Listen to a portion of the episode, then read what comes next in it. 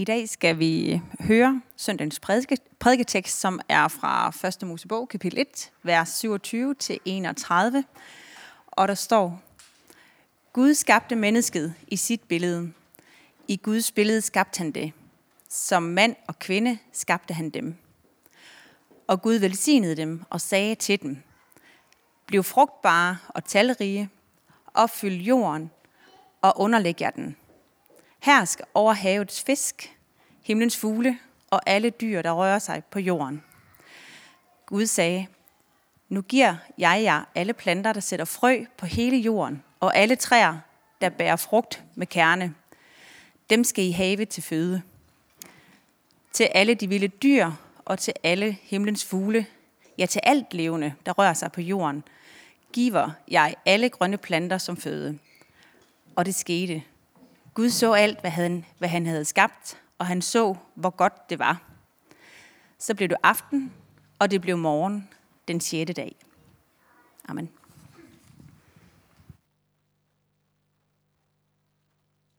Ja, yeah. bare lige for, at det ikke bliver sådan alt for internt her, så, så øh, var jeg i fjernsynet i tirsdags i et nyt program, der hedder Ordet er mit, som er sådan en eller anden mærkelig quiz der.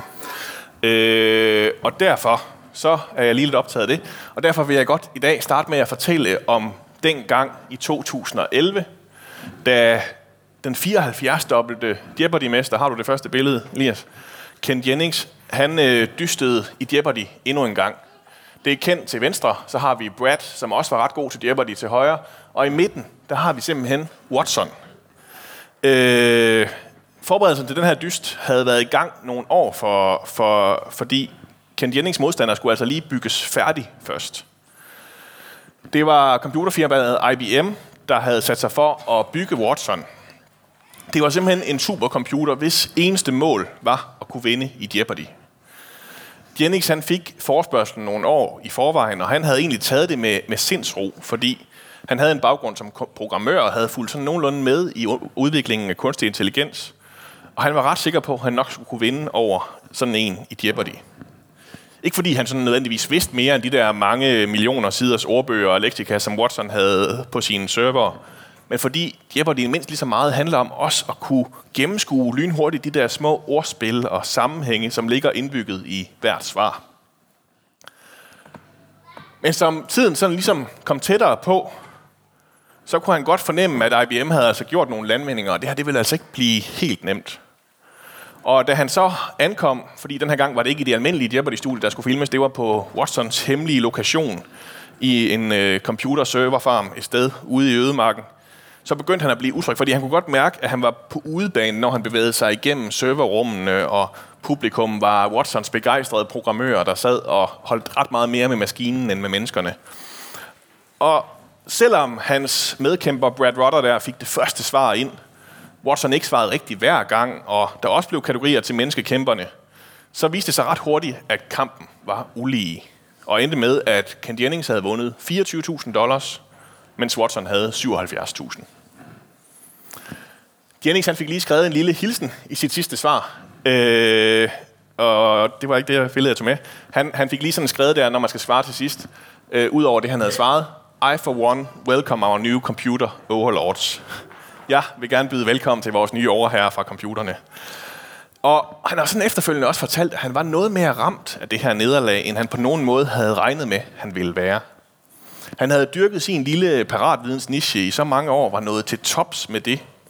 Havde egentlig bare gået rundt i, i, i verden med, med nysgerrighed og sådan samlet facts, facts til sig.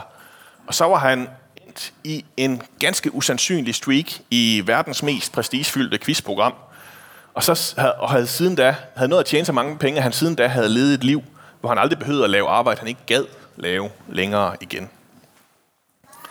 Indtil han en dag mødte en computer, som var langt bedre, end han nogensinde ville kunne blive. Ligesom det i øvrigt skete for Gary Kasparov i tilbage i, 19, i 1997, da han tabte til computeren Deep Blue i skak og øh, den sidste bastion, det var i 2016 i det mest komplicerede brætspil, der nok findes. Go, sådan en kinesisk brætspil med de der sorte og hvide dutter, man skal sætte over for hinanden. Og Lise Doll, han tabte til AI'en AlphaGo i det. Øh, det er ligesom om, at menneskelig suverænitet, det er sådan et stadig skrumpende område. Vores store hjerner, som vi ellers ligesom har brugt til at sige, vi er bedre end dyr, de er ikke længere de største. Og hvor stiller det os så? Personligt har jeg selvfølgelig altid set lidt op til Kent Jennings, som, som siden har talt, talt om det her med, hvor meget den her forvent, øh, oplevelse mod hans forventning rystede ham. Øh, for ham har det fået ham, fået ham til at kaste sig ind i en fornyet kamp for vigtigheden af parat viden.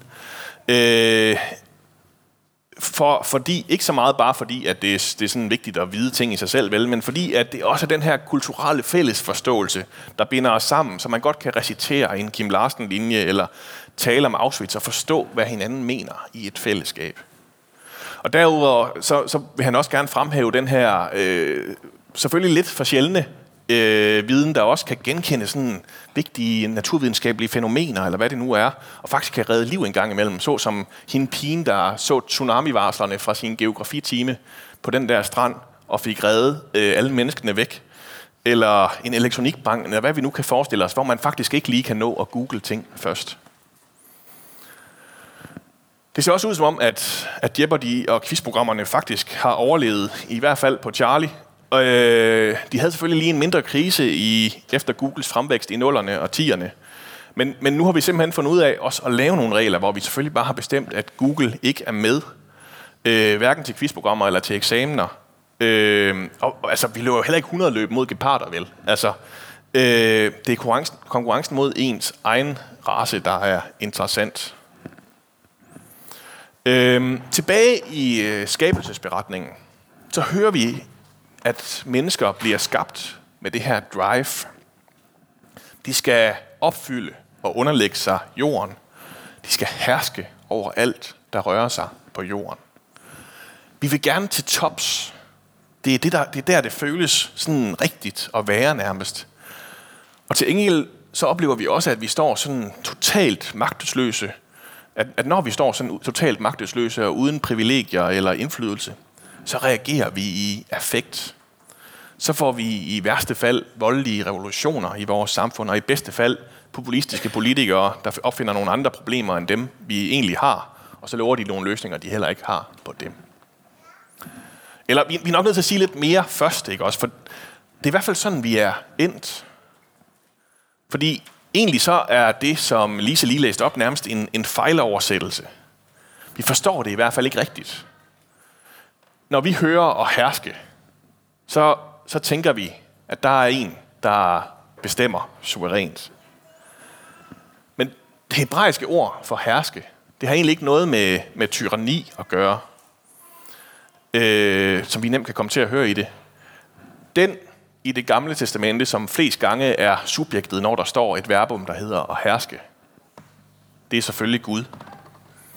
Og derfor så ved vi også godt, at når vi taler om, hvordan Gud hersker, så handler det ikke om at kvæse den underlegne, eller maksimere sin profit og overudnytte naturen omkring sig, eller hvad vi mennesker ellers har fået det til at betyde gennem tiden. Og det er altså i den her Guds billede, vi er skabt. Og det er i den her Guds billede, at vi er, når vi hersker og underlægger. Eller måske skulle vi så i stedet for oversætte det med, når vi tager os af og understøtter alt, der er på den her jord. Men fordi vi er skabt, øh, skabt og samtidig faldet og fulde af synd, så har det, der egentlig var skabt og ment godt, endt med at blive forvansket. Det er blevet drejet den anden vej, end det egentlig skulle. Så livet med at herske, der skulle have handlet om trofasthed og om ansvar, kommer til at handle om succes og magt. Og det vi først mister kontakten med, det er det, der er godt. Guds omkvæd under hele skabelsen, det var, at Gud han skaber ting, himlen og jorden, alle havets fisk og himlens fugle, og hver gang så siger han, og Gud så, at det var godt. Til sidst så fik menneskene så også de samme ord med på vejen på den 6. dag. Gud så, at det var godt. Menneskene de er stadig helt nyskabte på det her tidspunkt. De render rundt i en have og spiser frugt, mens de kigger hinanden dybt i øjnene og finder på navne til dyrene. De har ikke opnået noget eller vundet over nogen endnu. Men Gud han så, at det var godt. At den her verden, den her symbiose, det her kredsløb, som han har skabt, en verden, hvor der er nok, og hvor der er fred, at det er godt. Og så går der alligevel ikke særlig lang tid, før mennesken alligevel ikke helt synes, at, at det er nok, at det er godt. At noget kundskab om godt og ondt, det er lige præcis, hvad de går og mangler. Godt er simpelthen ikke nok. De vil også lære ondt at kende. Og det får de så sandelig mulighed for, ikke også? Inden for kort tid, så oplever de presset til ikke at gøre det, man vil. Det pres, vi lægger på hinanden, de oplever knaphed og mangel. De oplever uforløst begær. De oplever alt det, som volder os mennesker smerte. Og siden da, så har vi taget de her fænomener med os overalt i, i, ind i vores relationer, ja, helt ind i relationen til os selv. Og det er jo derfor, vi bliver bange, hvis der er nogen, der tror med at tage det fra os, om det er robotter eller om det er andre mennesker. Det er noget med, noget vi forestiller os en gang, om det er noget, mest af noget, vi forestiller os sådan en gang kunne ske, eller om det er noget, der er lige om hjørnet, så bliver det egentlig næsten det samme inde i vores hoved. Når vi pludselig oplever os selv der på bunden, selvom vi troede, at vi skulle have været på toppen. Fordi vi, vi, vi forestiller os, at livet må være sådan et, et nulsumspil. Det, det er det, vi selv har oplevet. Det er det, der er vores erfaring. Og som hovedregel, så er det altså bare vinderen, der tager det hele. Og så ser det altså lidt sort ud, når det ikke engang er nok at være den klogeste eller den stærkeste længere, bare fordi at der nu er nogen, der har svejset noget sammen i et laboratorium, der enten er klogere eller stærkere, end jeg er, eller nogensinde kan blive. Som sagt, så var jeg et smut i fjernsynet i tirsdags til en ny quiz. Ordet er mit, øh, hed den. Jeg vandt ikke. Jeg synes, jeg kom nogenlunde øh, fra det med æren i behold. Øh, de havde klippet lidt i det, som man jo gør i tv. Og jeg kan næsten ære mig lidt over det, fordi noget af det, de havde klippet væk, øh, det var sådan en af de der snakke, som den kære dejen godt kunne lide at have med præsten. Og han nåede, også lige at få, han nåede jo også lige at få kaldt mig en præst i ulveklæder, som kom med, efter jeg havde bekendt mig til FC Midtjylland. Men, men allerede efter den første runde, hvor at jeg var foran med to point, så spurgte verden mig sådan ud af det blå. Altså, nå, herr præst, hvad vil Jesus sige til dig nu? og jeg havde måske sådan haft lidt for travlt med at, at gætte ord og spørgsmål, til jeg sådan helt havde nået at lytte efter det også. Øh, så efter et meget langt øge, så blev mit svar, altså ikke noget godt umiddelbart. De første skal blive de sidste måske. Og det fik jeg jo som sådan ret i. Øh, og det er jo noget, Jesus siger en gang imellem. Men jeg tænker også, at Jesus havde haft mere at sige der. Måske noget med, at det faktisk er godt og okay at bruge sine talenter. Eller han kunne også godt lige have visket ind i mit hoved, at der åbenbart er noget, der hedder sansebold. Øh, men at the end of the day, så er det, vi alle sammen må tage imod fra Jesus, de ord, som Paulus han også får. Min nåde er der nok. Du er simpelthen mere end dine evner og det, du udretter. Mere end hvor mange, der kan lide dig. Gud ser på dig og Gud så, at det var godt. Og det er jo heldigvis derfor, at AI'en aldrig rigtig kan tro os. For selvom den nok er skabt nok så meget i menneskets billede, så føler jeg mig ret sikker på, at de ikke har kunne få Guds billede med, da de gjorde det også. Lige meget hvor stolte de kære programmører er af deres skabning, så har den stadigvæk ikke en sjæl. Lige nu så er mantraet i tech at vi skal solve intelligence. Hvis bare vi lige sådan får løst det her med intelligensen, så kan den gå så i gang med at løse alle vores andre problemer for os. Klimakrise og fødevaremangel osv., det kommer AI'en til at klare alt sammen. Så det er bare det race, der skal vindes, og så kan vi læne os tilbage, og så kan vi lade vores kunstige intelligens løse verdens problemer fra os, for os derfra. De skeptiske observatører med sådan de, de kedelige erfaringer, de siger dog, at, at der er jo en ret stor sandsynlighed for, at det kommer til at gå ligesom med de sidste mange tech-revolutioner. Og den her intelligens, den bliver sat til at arbejde mere med, hvordan den kan hugge endnu flere mennesker op på en endeløs strøm af underholdning, end faktisk at løse verdens problemer. At det er mennesker, og mere bare, hvordan man sådan pacificerer dem, de gerne vil knække koden til snarere end at løse verdens reelle udfordringer.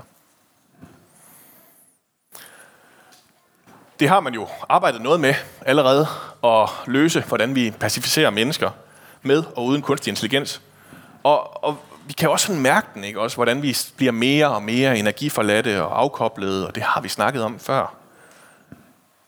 Det vilde er jo bare, at det alligevel faktisk ikke rigtig er lykkedes for dem endnu.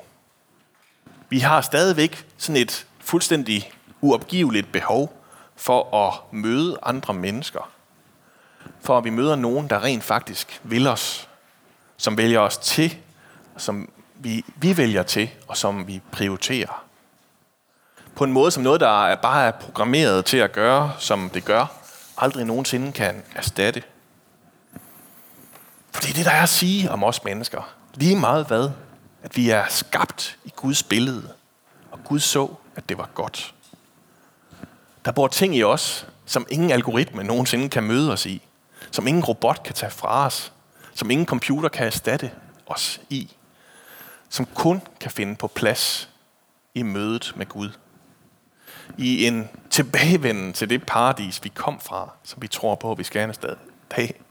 Det sted, hvor Gud, mennesker og natur vandrede sammen, hvor der ikke var de her lag af splittelse, som vi lige hele tiden ligger på tilværelsen, af kundskab og overfladigørelse af verden. Hvor ting ikke bare bliver reduceret til deres økonomiske værdi ind i vores personlige forbrug og behov osv. videre. Vi skal tilbage, tror vi på, til den Gud, der kender alle hemmeligheder og har alle svarene og spørgsmålene og giver os del i dem.